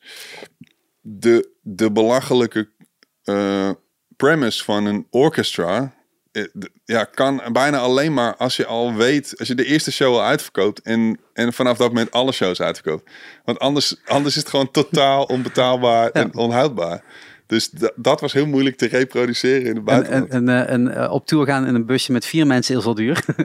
Laat staan dat je, waren jullie 40 man eh, ja, met de koor erbij? ja, 50 in totaal met z'n met allen. Dus de, de- we zijn in het buitenland wel met een, met een 30 man versie gegaan volgens mij. Maar ja, dan nog, dat is nog steeds eh, veel te veel. Ja, ik je wel, gewoon, gewoon alleen qua gages dat we op een gegeven moment niet eruit halen. Nee, daarom. Om iedereen gewoon netjes te kunnen betalen. Nee, daarom. En ja, je, je stretcht sowieso al natuurlijk mensen hun geduld met als je zeg maar zo'n succesvol project doet, eh, dat, je, dat je dus de opbrengsten door zoveel mensen moet delen, dat er niemand er nog steeds rijk van aan het worden is. Dat is heel lastig. Een soort van te verkroppen als je deel bent van een heel succesvol project, maar je had er niks aan over. Dat is heel tricky. Van, eh, daar was de hele soort van 50 euro in een pakje peuken eh, ging dat, ging dat over. Dat staat op die DVD van, eh van Ja. Kite over de Hermit Sessions. Dat, daar, zegt, daar zegt Ben dat. Omdat dat toen een soort van gerucht was in de game. Van oh, die Kite gasten, die doen het gewoon voor eh, 50 euro in een pakje peuken. en zo. En toen was het antwoord van Ben ook van ja, daar gaat het ons dat- niet om, weet je. Dat is niet de thing. We doen het Maar dat maakt wel weer, weer zo'n periode waar je dan doorheen gaat en weer heel veel van leert. zeker. Ehm, ehm, en als ik het dan goed in mijn hoofd qua tijdlijn heb, komen daarna eigenlijk gewoon die eh, freestyle sessies eh, eh, achteraan. ja, de jam sessions. De jam sessies. Klopt, Wat klopt. juist weer eigenlijk gewoon naar een stuk kern is teruggegaan. De, een, een, een aantal In a way. extra ja. elementen zijn eruit gehaald. ja, Om het toch tourbaar te houden, zal ik misschien zo wel zeggen. Maar ook wel gewoon met de kennis die jullie hebben opgedaan al die jaren. ja. En die flow die jullie hebben gecreëerd met z'n allen. En het samenwerken dus wel weer terugpakkend. En heel goed naar elkaar luisteren. Want daar ging het uiteindelijk volgens mij... Ja, het is, nou, het is gewoon een nieuw soort onmogelijkheid eh, bedenken. dat is het meer. Van, het, Laten we iets tuurlijk, het is intiemer, maar het is ook van... Oké, wie kan hier een hele show freestylen? Crickets, weet je. En dan steek ik maar weer mijn hand op, weet je wel. En dit keer Black zelfs van... Oh, hell no, I'm not doing this one. weet je wel. En gelukkig Dogs coming out of the woodwork van... Yo, uh, I guess I'm back for this one, weet je. Van, eh, ik heb wel wat verses in mijn hoofd. Ik kan er wel eentje erop. Eh, maar Ben ook weer van, ja, dit is niet, weet je wel, what am Ja. I doing hier, weet je, dat slaat nergens op. Dus die, ehm, ja, het is, het is eh, weer intiemer en, eh, maar het is, het, ja, het is weer, weer zo'n eh, specifieke dis- discipline, Mhm. which I love, weet je, van, ik ben eh, echt, ik hou heel erg van freestyle en Als, als, überhaupt, als ik goed herinner, op een gegeven moment stond jij ook vaker met gewoon je, je, je, je handgeschreven boekje natuurlijk op, eh, op het podium. ja, Gewoon, dit heb ik bedacht. En dat past nu... Ik ga bijna bladeren, zeg maar, voor Ja. wat nu past op wat er nu gaande is. Ja, ja, true. Nou ja, bij de, ehm, bij de jam sessions was dat eigenlijk minder.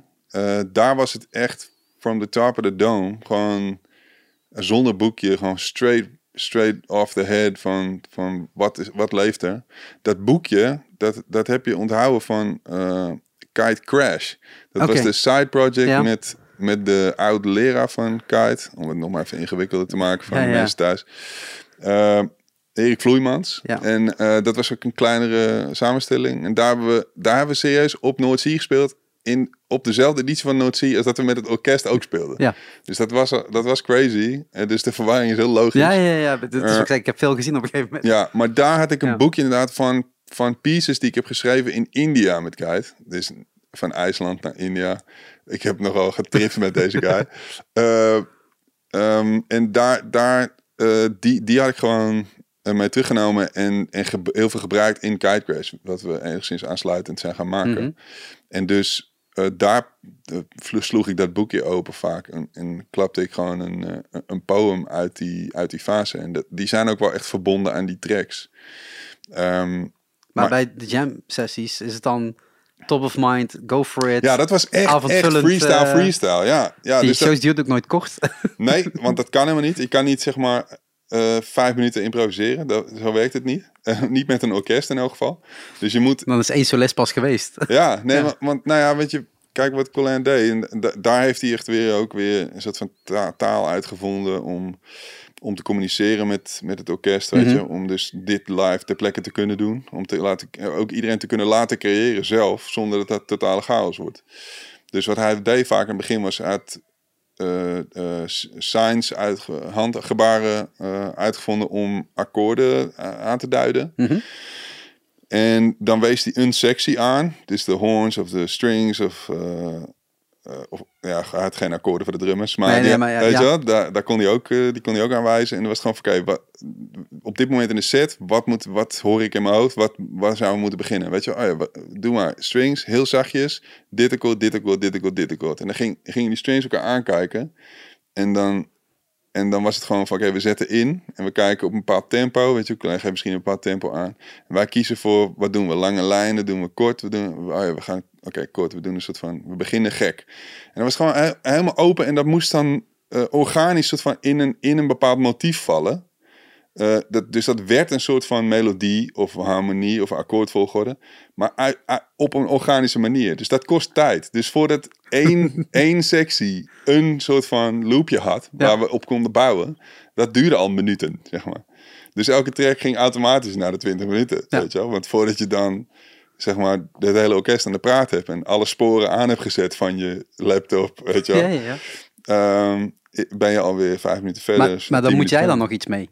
Ja, en dan, dan, is het, Ja. dan is het van, oké, dit is epic. Ehm, nu wil ik eh, eh, een keiharde rapper op horen. Of, eh, holy shit, wat is het voor chaos. Ik heb hier een sick gedicht nodig van Pax. En dan kijkt hij me aan, please save me, weet je. Dan moest ik het even oplossen. Maar, maar hoe, doe, hoe, doe, hoe doe je dat? Dat is misschien een, een verkeerde vraag. Maar het is natuurlijk wel... Jij moet dan op dat moment naar voren stappen en dan ook beginnen. Terwijl natuurlijk voor... een- eh, Niet denigreren naar de rest, want dat is, heel moeilijk. Maar zij moeten samen een ritme gaan volgen. Ja. Dat, jij hoort dat ritme, maar dan Ja. moet jij opeens met een hele logische tekst op dat energieniveau gaan komen.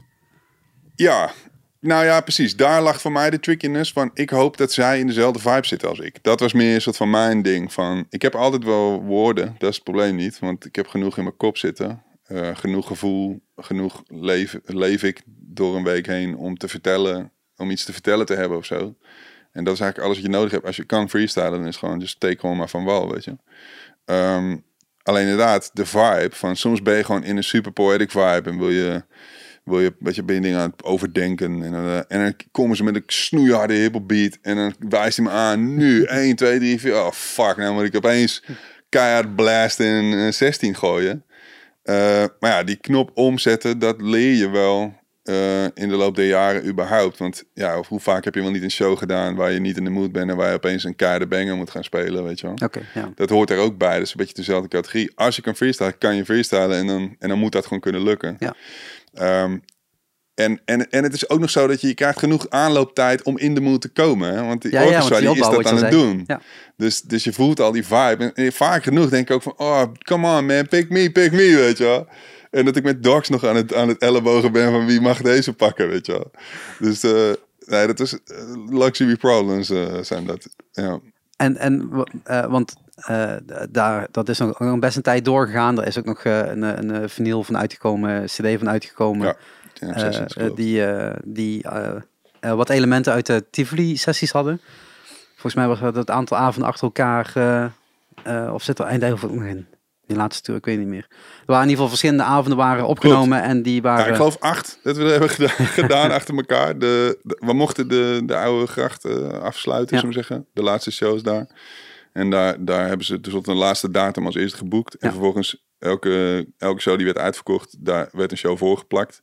Ja. En dan mochten we die ook uitverkopen. En dat ging van één show naar twee, drie, vier, vijf, zes. En dat werd, werden acht shows uiteindelijk. Dus ze hebben acht shows achter elkaar moeten doen. Eh, eh, ik zeg moeten doen, omdat na de vijfde show weet je echt niet meer wat op. Want ik zei van, eh, ik heb altijd genoeg geleefd zo van, om iets te vertellen te hebben. Na vijf dagen achter elkaar is het leven wat je vertelt, is dat leven. Ja. En dan is het ook, dan raak je op een gegeven moment uitgeluld in een soort van Ja. perpetual loop van, ja, je wil niet de rapper zijn die rapt over rappen, zeg maar. Dat is bullshit.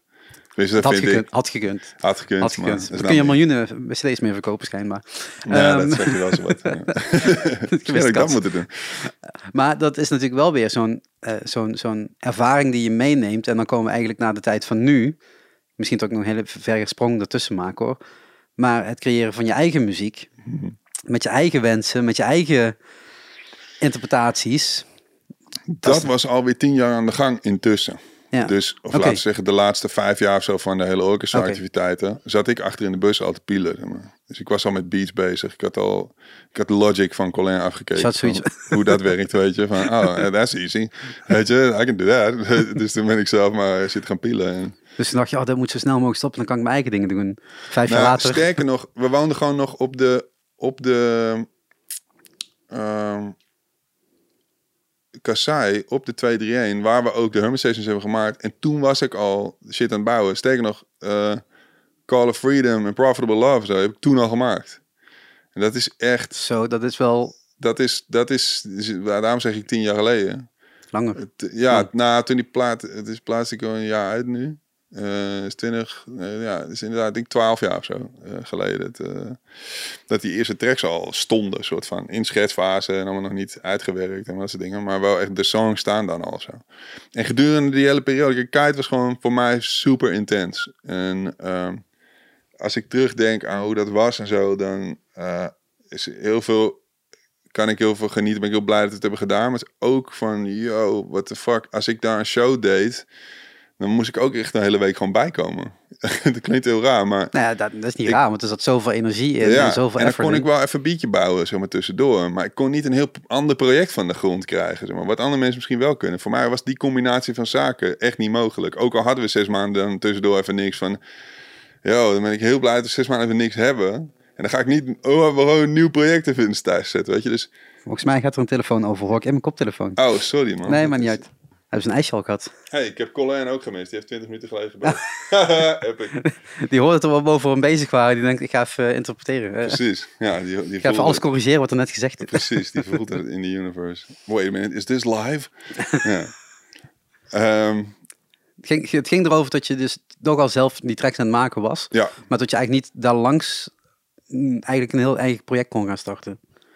Eh, nee, precies. Dat was te veel voor mij. Ja. Dus dus nou, ik moest echt even een beetje die kite-trein laten uitrazen... voordat ik eh, de moed kon verzamelen en de energie er bij elkaar had. En vooral ook de structuur.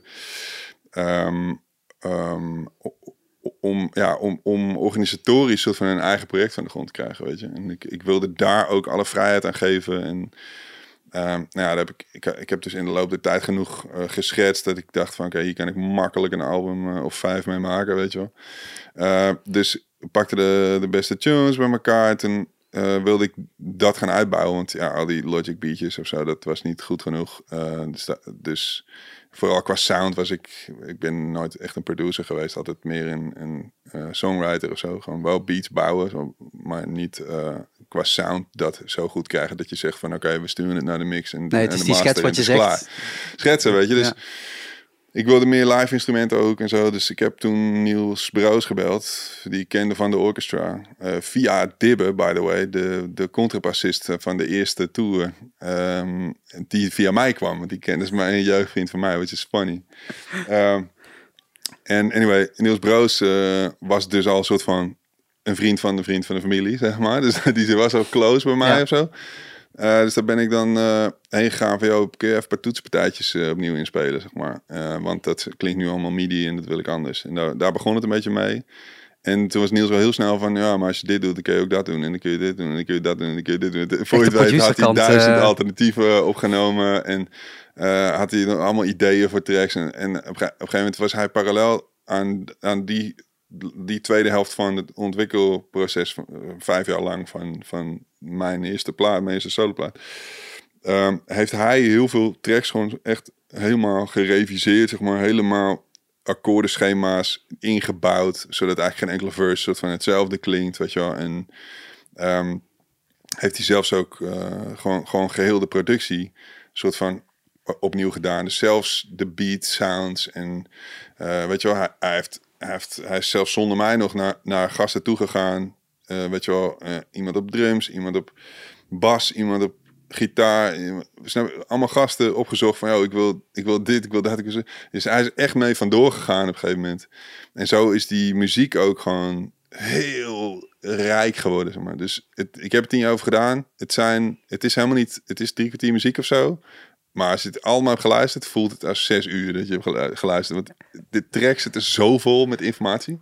Je wordt er echt ingezogen in dat album. Ja. En het, je, je wordt meegenomen in een, in een bepaalde mood, feel. Ja. Maar dat is niet bij ieder nummer hetzelfde. Het is Nee. echt, wat je al zegt, het is ook heel logisch. Hè? Als je er zo lang aan werkt, tot je niet iedere dag hetzelfde gevoel hebt gehad bij het maken van een track. Ja. Ehm, maar hoe, hoe maak je het van jou dan? Want buiten het feit dat jij dan de tekst natuurlijk hebt gemaakt. Ja. Als Niels ermee aan de haal gaat, in dat geval. Ja, Hoe, hoe, zorg, hoe communiceer je dan van wat jij wilt? Want jij hebt natuurlijk die layouts wel Nou, gemaakt, maar Ja, ik, kijk, ik ben, ik ben, ik heb, kijk, helemaal aan het einde was, waren het meer een soort van techni- technical upgrades. Dat, daar, daar heeft hij wat dingen gedaan waar ik niet bij was. Maar voor de rest hebben eigenlijk alles samen gedaan. ja. Dus ehm, dat hele proces van, van alles opnieuw invullen of zo, dat, dat was samen, weet je. Daar, daar, daar rockte hij gewoon zijn synths.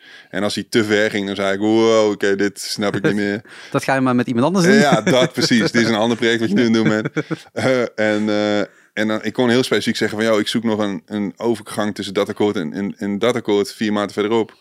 Want dit, weet je wel, dit is voor mij allemaal nog te random of zo. En dan, en dan weet je, op, op die manier eh, konden we samen een soort van bouwen aan, aan wat ik hoorde in mijn hoofd en wat hij daarop weer hoorde in zijn hoofd. En hij kwam uiteindelijk met dingen eh, die ik nooit had kunnen bedenken, omdat ik gewoon de, de wat ik zeg, nooit pianoles heb gehad, weet je, de, de muziektheorie erachter niet eens ken.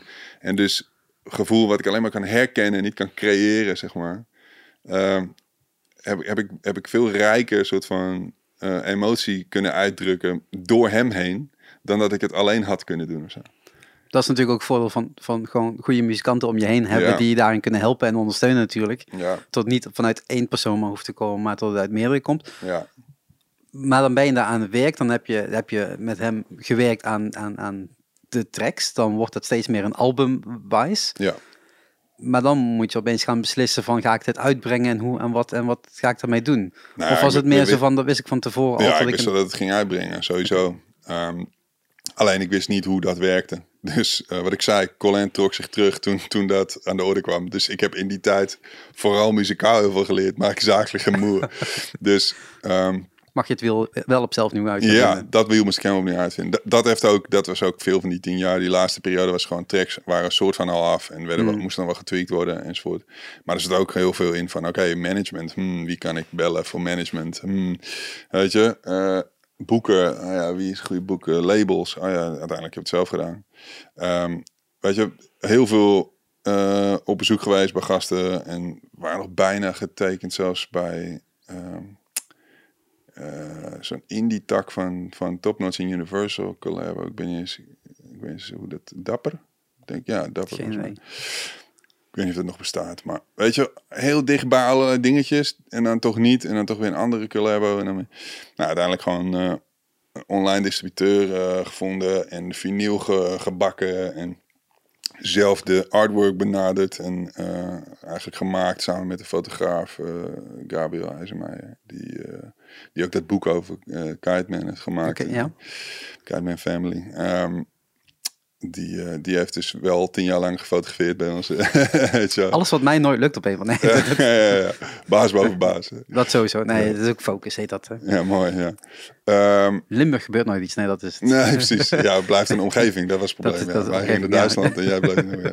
Nee, ehm, ja, weet je, dus eh, heel veel uiteindelijk zelf uitgevonden of zo. En ik wilde, ik wilde ook gewoon eh, dat... Op alle facetten wilde ik de vrijheid hebben zonder deadline. Want ik, ik was echt bamdaad van die deadline van de orchestra plaat, die tweede plaat. Dat ik dacht, eh, eh, dat wil ik in ieder geval niet. Als je bij een label was gesigned, had je waarschijnlijk wel die deadline Ja, precies, gekregen. precies, En nu ja. hoef je het niet, ja. Ja, laat staan de, dat er een ENR was die zei van eh, Jesus Christ, kan het wat simpeler of zo, weet je wel. Nee, dus eigenlijk was het perfect om, om het zelf te doen, indie te doen. ehm, en nou ja, gewoon eigenlijk een mooie tour kunnen boeken. En helaas tegen de tijd dat we gingen was het, eh, was het aan. Begin, begonnen we eigenlijk net een beetje momentum te creëren. Eén clip uit. En ehm, Love Rocks toch? Was het? eh, ja, Love Rocks, klopt. En dan nog de, de, de showcase natuurlijk op Eurosonic. Want daar, Ja. daar zag ik natuurlijk jullie Ja. samenstelling voor het eerst. Noorderslag, ja, klopt. Dat was keihard. Vette show ook. Heel blij mee. Alle En- boekers blij die daar stonden. Iedereen had zoiets van, dit gaan we boeken. Holy shit, ja, precies. Dus nou, dat hebben ze ook wel gedaan. We hebben een mooi toertje gemaakt. En, eh, en daar waren we net aan begonnen. Eh, een soort van halverwege. En, eh, en toen hitte COVID. Ja, dus want- daar ben je tien jaar bezig. Ik moest, ik moest hem even terugzoeken, want maart 20, eh, 2020 was het Ja. album release. ja, Heb je nog enig moment gedacht van, ik stel hem uit? Of was het gewoon te laat om dat uit te Het was te laat. Hij, was, hij ja. was al uit. En, en de twee weken daarna zouden we de, in de helling dat vieren, zeg maar. Dus fuck. als we, als, we hadden, als we hadden bedacht van, oh, we brengen hem pas uit op de dag dat we de helling zelf doen, zeg maar, dan hadden we hem nog. En dan hadden we hem niet uitgebracht en hadden we hem nu uitgebracht als we in de helling stonden bij spreken. Ehm, maar dat, het, ja, we hadden juist bedacht van, oké, we brengen alvast uit, dan kunnen mensen alvast luisteren. En dan, weet je wel, dan zit eigenlijk al in de vijf van die plaat op het moment dat ze, dat ze, dat ze voor ons in de helling staan. Eh, dat gaat gelukkig nu alsnog gebeuren. Die tour staat Iedereen nu... kent hem nu van binnen en buiten, dat is dan weer het verschil. Ja, precies. Ja, ja, ja. Die hebben lang genoeg tijd gehad om die muziek eh, in zich op te nemen. Dus ik ben heel benieuwd inderdaad hoe dat gaat voelen. En juist omdat die muziek best wel eh, veel is. Best wel rijk Mhm. is aan informatie. En het is niet dat je hem twee keer hoort en dan kan je alles uit je hoofd. Eh, dus die, die hele, dat de COVID-jaar is misschien wel heel goed geweest voor, voor de fans die out there zijn. Om, om die plaats zich helemaal eigen te maken. En inderdaad daar te staan straks en echt te voelen van, ah ja, deze track. Maar dan, dan, dan, want ik pak hem wel heel even terug. Die, Ja. je, je, je, je zorgt er dan voor dat je op Eurosonic kan staan en Noorderslag kan staan. Ja, Dat is de zaterdag eh, van het festival. Ja. Daar staan alle Nederlandse eh, bands, ja we- acts die staan op, eh, eh, in, de, eh, in de Oosterpoort. Ja. Ehm, daar is in principe iedere Nederlandse boeker of eh, soms ook marketeer of in ieder geval festivalbaas is daar. Ja. En die gaan eigenlijk gewoon shoppen, heel Ja. oneerlijk, on, Ja. oneerbiedig gezegd, maar die gaan k- kijken tuurlijk. wat, is er, wat kunnen we deze zomer allemaal doen. Ja. En daar zetten jullie een show neer die live is. Hè, we inmiddels al een paar keer hebben gezien. Hè, eh, eh, live hip-hop, maar het is niet alleen hip-hop. Er komt eigenlijk nog wel andere invloeden in Mhm. voor. Mhm. Hè, dus ga vooral die plaat luisteren, want dan hoor je het allemaal. Ik kan het gewoon ook niet overbrengen op een of andere manier. Heel lastig uitleggen. Ehm, en daar zit, komt zo'n energie vrij in die zaal. Ja. Als, als, als één iemand daar komt, dat had, het iedereen sowieso gehad. Want ja, er ging heel veel rond. We were probably a super spreader event. Go on. Ehm, eh, maar gelukkig was dat nog eh, een dikke anderhalve maand, ja, zoiets eerder. ja. Ehm, Wuhan was al een ding, maar eh, wij nog niet. ja, in Nederland eh kwam dit ook allemaal. Ja. Het ging er toen nog best weinig over, moet ik zeggen, Ja. tijdens, de, tijdens de talks overdag. Ehm, maar dan, dan, dan moet je wel die show creëren, want je moet daar moet je staan. Ja. Wat al best vroeg is als je nog geen tour hebt gedaan. En dat moet allemaal ge- Ja, hoe, dat hoe creëer je dat dan in, je, in, in de vibe die je wilt hebben? Ja, we, hadden wel de, we hadden de Echo gedaan. Ehm, ik moet even nadenken. Hadden we Paradiso ook al gedaan, misschien zelfs. Ehm, de, voor, voor de release van een soort van eerste tracks, de singles, de EP, soort ja. van, die we, de eerste paar tracks die we uitbrachten. Ehm, en dat was al aan eh, als fuck. En ehm, ja, dat, het was duidelijk van, je werkt met een, met een live band, jongens die zo goed zijn eigenlijk. Dat je, ja, Jori Olieslagers, eh drummer, die ook met de orchestra eh, als tweede drummer soort van naast Bram Harkens op een gegeven moment is aangetrokken trokken. En, en dat werd een soort van machine met tweeën. En, en Jorrie is heel erg hip-hop-minded. En dat is heel sick, want Bram komt juist eigenlijk uit de funk en rock vandaan. Ja. En daar heb ik Illicit mee gedaan. En Jorrie was dus juist weer van, eh, van een hoek die eigenlijk dichter bij mij eh, zat. Dus dat is heel grappig. Ehm, en ehm, nou, Niels Broos als bandleider is natuurlijk ook muziek. Ehm, die op toetsen dan ook weer shit kan die niemand kan. Dan hebben we Glenn Gaddam eh, gebeld. Eh, ja, die, die bast echt voor Anouk en zo. Het is gewoon zo'n...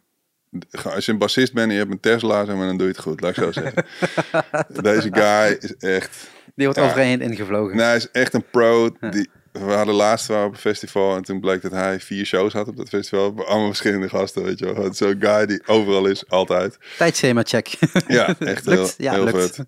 Maar, maar zonder dat het soort van leeg voelt, snap je? Dat? Ja. Want dat heb je natuurlijk ook. Je hebt heel veel, dat muzikanten om elkaar noemen dat dan sletjes en zo, weet je. Die gewoon overal spelen en, en, en niet echt een eigen identiteit Alles voor de hebben of 250 euro, toch? Ja, precies, whatever, ja. Maar, maar dat is niet Glenn. Glenn is echt een guy met een, met een ziel en een hele vette intentie en, en een eigen sound. En eh, ja, dat is gewoon heel dope.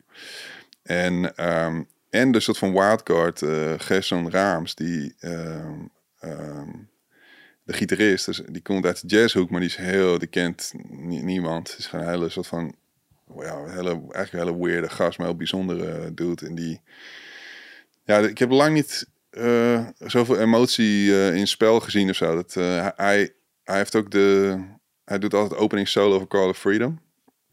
Eh, Geen idee. Call of Freedom is de track op de, ja, de, oh, ik- ik kom, mijn fam komt binnen, gezellig. Gezellig. Hallo. Hey. Hi. Hey. Eh, en eh, ja, kom erin op blijf, ja. Ik weet het anders ook niet. We lopen een beetje uit. Ehm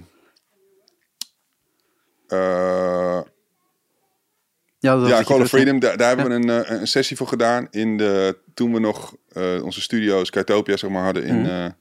op de Oude Gracht. En, eh, en ja, dat, dat was een soort van live recording. En da- daar, daar opende hij al met een solo. En die hebben we gewoon live, zijn we die ook gaan doen. Dus elke keer als, je, als het donker wordt en je hoort Gemma Gessom heel, heel freaky, soort van emotionele gitaarsolo maken. Dan weet je van, oh. Call of Freedom komt eraan.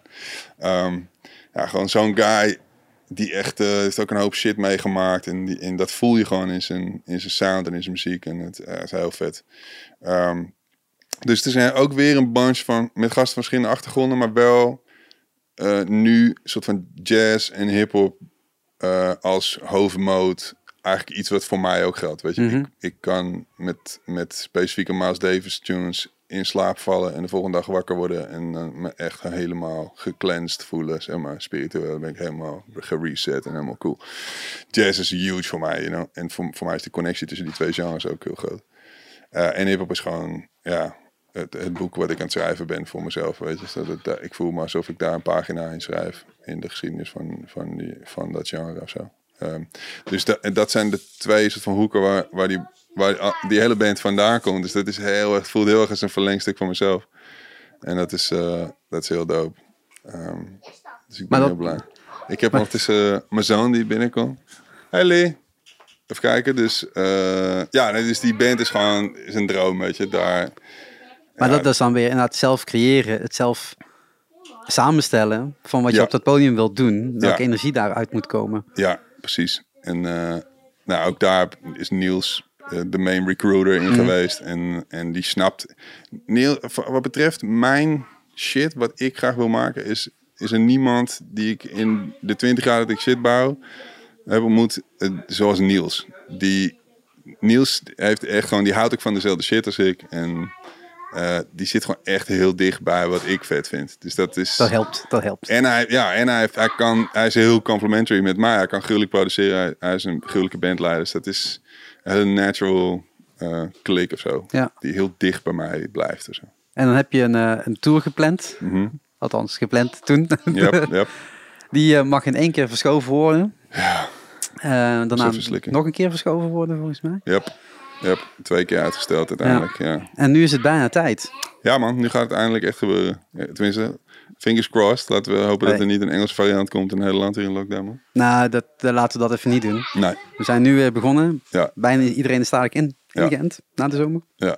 Nee, dit, Althans, dit- wordt ons voorgehouden. ja, dit moet, dit moet goed komen. Ik heb mijn, mijn prik al gescheduled en shit. Dus Ik ook allemaal- komende zondag. Nice, nice, gefeliciteerd. En eh, gefeliciteerd ook. Ja, Ja. dat, ik weet let's do it. Ja, Ja, Dus, wordt dat een ding dadelijk? Weet ik niet. Ik, ik call het nu. Ik ga je wel boeken dan. Als ik prikparty je hou, prikparty? Nice. Ja, lekker bezig. Ja, nice. Ehm, maar nee, het is, de, de, eh, we kwamen eigenlijk in, in contact omdat eh, Liedje? Eh, Sorry, ja. je gaat in, eh, in, in september in ieder geval naar Volt komen. Ja, naar het, eh, baby. naar het zonnige zuiden. Nou ja, Yeah. hoeft dat nu niet, want het is hier lekker zonnig. Maar in Nee, september, inderdaad. wie Het weet, zal daar wel 50 graden zijn tegen die tijd. tegen die tijd. Nee, alsjeblieft. Ja, maar dan ben je naar binnen, want Volt is super cool. Oh, nice. Dat is, als we daar de airco aanzetten, heb je koud. Gruwelijk. Afgelopen week ook. We hadden de eerste shows weer. En mensen kwamen zo naar buiten toe- tijdens de break. Zo van, Whoosh. mag die airco een stukje zachter? echt, eh, ja, ja, ja. Ah, dat is wel nice hoor.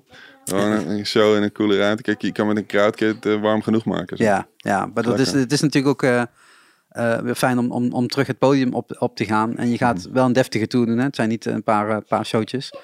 Toch, toch, Nee, nee, het zijn best wel. Ja, het is ook geen mega tour. weet nee, je. het We hebben- maandenlang weg zijn. Nee, daarom. Nee, maar het, zijn, het is een mooi lijstje. En ja, het, het zijn vooral coole plekken, weet je. Ja. Gewoon, Volt is een hele eigenzinnige plek. En Rotterdam eh, eh, doen we die boot. Het is ook zo'n gekke plek. eh ehm, eh, wat is het? V11 uit mijn hoofd? Geen idee. Ehm, in elk geval allemaal van die alternatieve plekken of zo, waar, Ja. waar, waar je heel vet vibejes kan maken. En daar heb ik echt zin in. Ja. En dan de, die, die tour die is nu nog steeds in de verkoop. dus Ja, mensen kunnen, ja. kunnen nog lekker die, die, die tickets kopen. ja, precies. en ja, erbij is, zijn, meemaken. het is weer los. Dus ja, ja dus nu is het moment inderdaad om... ik, ja, pak die prik en pak die ticket. En dan, eh, ja. dan gaan we dat gewoon doen, man. En eh, de, de cd-winkels zijn ook open, dus je kunt eh, de CD kopen. Ja, of is vinyl, dat ja, vinyl is het. Het zijn geen cd's. we hebben het op vinyl laten zetten. En ja, dat is gruwelijk, man. Die klinkt ook gruwelijk. Het is, we hebben gemixt bij Simon Akkermans. Ja. En dat is, dat is ook een analoge held, zeg maar. Die heel vette sound maakt. Die heeft natuurlijk met Simon Kipski heel veel Mhm. vinyls gemaakt. ook. En mijn buurman die heeft een zieke system. Dat is zo'n oude rot eh, van 70. Die heeft een, een bizarre, uit, uit de jaren 70 eh sound system. Ja. Met enorme speakers. En die knalt af en toe keiharde shit hiernaast. En dat vinden wij alleen maar ma- master. Mooi. Eh, en hij, ik heb met die vinyl bij, bij hem getest. Van hoe klinkt dat ding? Nou jongen, echt gruwelijk. Nice. Dus dat ja, het is, een heel, het is een hele mooie master geworden. Het is een hele mooie vinyl geworden. Het is een perfect medium voor deze plaat. Past ook bij de muziek. Ja, Dat je dat toch? Ja, wel, zeker. Terwijl het heel, ook heel veel moderne shit heeft eh, in de muziek. Maar wel zo analoog, omdat we alles opnieuw hebben opgenomen. Het zijn echte instrumenten. Je voelt de warmte van die, van Ja. die game gewoon. Zelfs mijn Ja. zoon is er heel enthousiast over. Nou, dat is altijd mooi, toch? ja. Jong, jong de fans op, eh, opvoeden alvast. Ja man, ja man. Hij is alleen een beetje luid, maar dat heeft hij ook van zijn vader. Nou ja, ik denk dat we sowieso een beetje richting af, eh, afronding gaan. Ja? Ehm, ja, sowieso. was lekker man. was Zeker. echt leuk. Ik denk tot, eh, tot de mensen in ieder geval een beetje meegekregen waar dit allemaal vandaan komt. Want Mhm. het komt niet zomaar uit iets. Nee, het is wel een opbouw. En ik denk dat ook wel, je hoort het in de plaat dat er veel in zit, wat je net ook, ook al aanhaalde. ja. Het is niet, niet een plaat die, die in één weekend is geschreven. Het heeft wel wat tijd gekost. ja, het heeft heel veel tijd gekost. Er zit heel veel jaren, soort van... Er, zit, hoe noem je dat? er zitten vertegenwoordigingen van heel veel jaren in. Dus bijna tien tracks voor tien jaar, zeg maar. Alleen, ik heb niet bijgehouden Welke? wanneer welke precies Ja. is gemaakt. Maar het Voor de volgende echt- keer. Ja, maar het is best wel... Ja, je gaat wel een tocht eh, luisteren of zo. Ja. En, en dat, dat het zo- dat het zo'n tocht is, dat, dat kan ook alleen maar als iets heel lang duurt. Ja. maar. Als ik nu tien tracks voor je maak binnen een maand, dan gaan die veel meer klinken in dezelfde mindstate. En deze, deze reis ga je dus, is dus in die, in die zin uniek op basis van het proces van hoe, hoe Ja. zijn we er gekomen. Dus dat, daar ben ik heel, heel blij mee. Het is gewoon de Pax the Humanoid eh plaat. Ja, ik heb me gewoon maar self-titled ge- gehouden, weet je, van... eh, Hoe kan ik dit nou betitelen? Dit ben ik gewoon, Ja. snap je?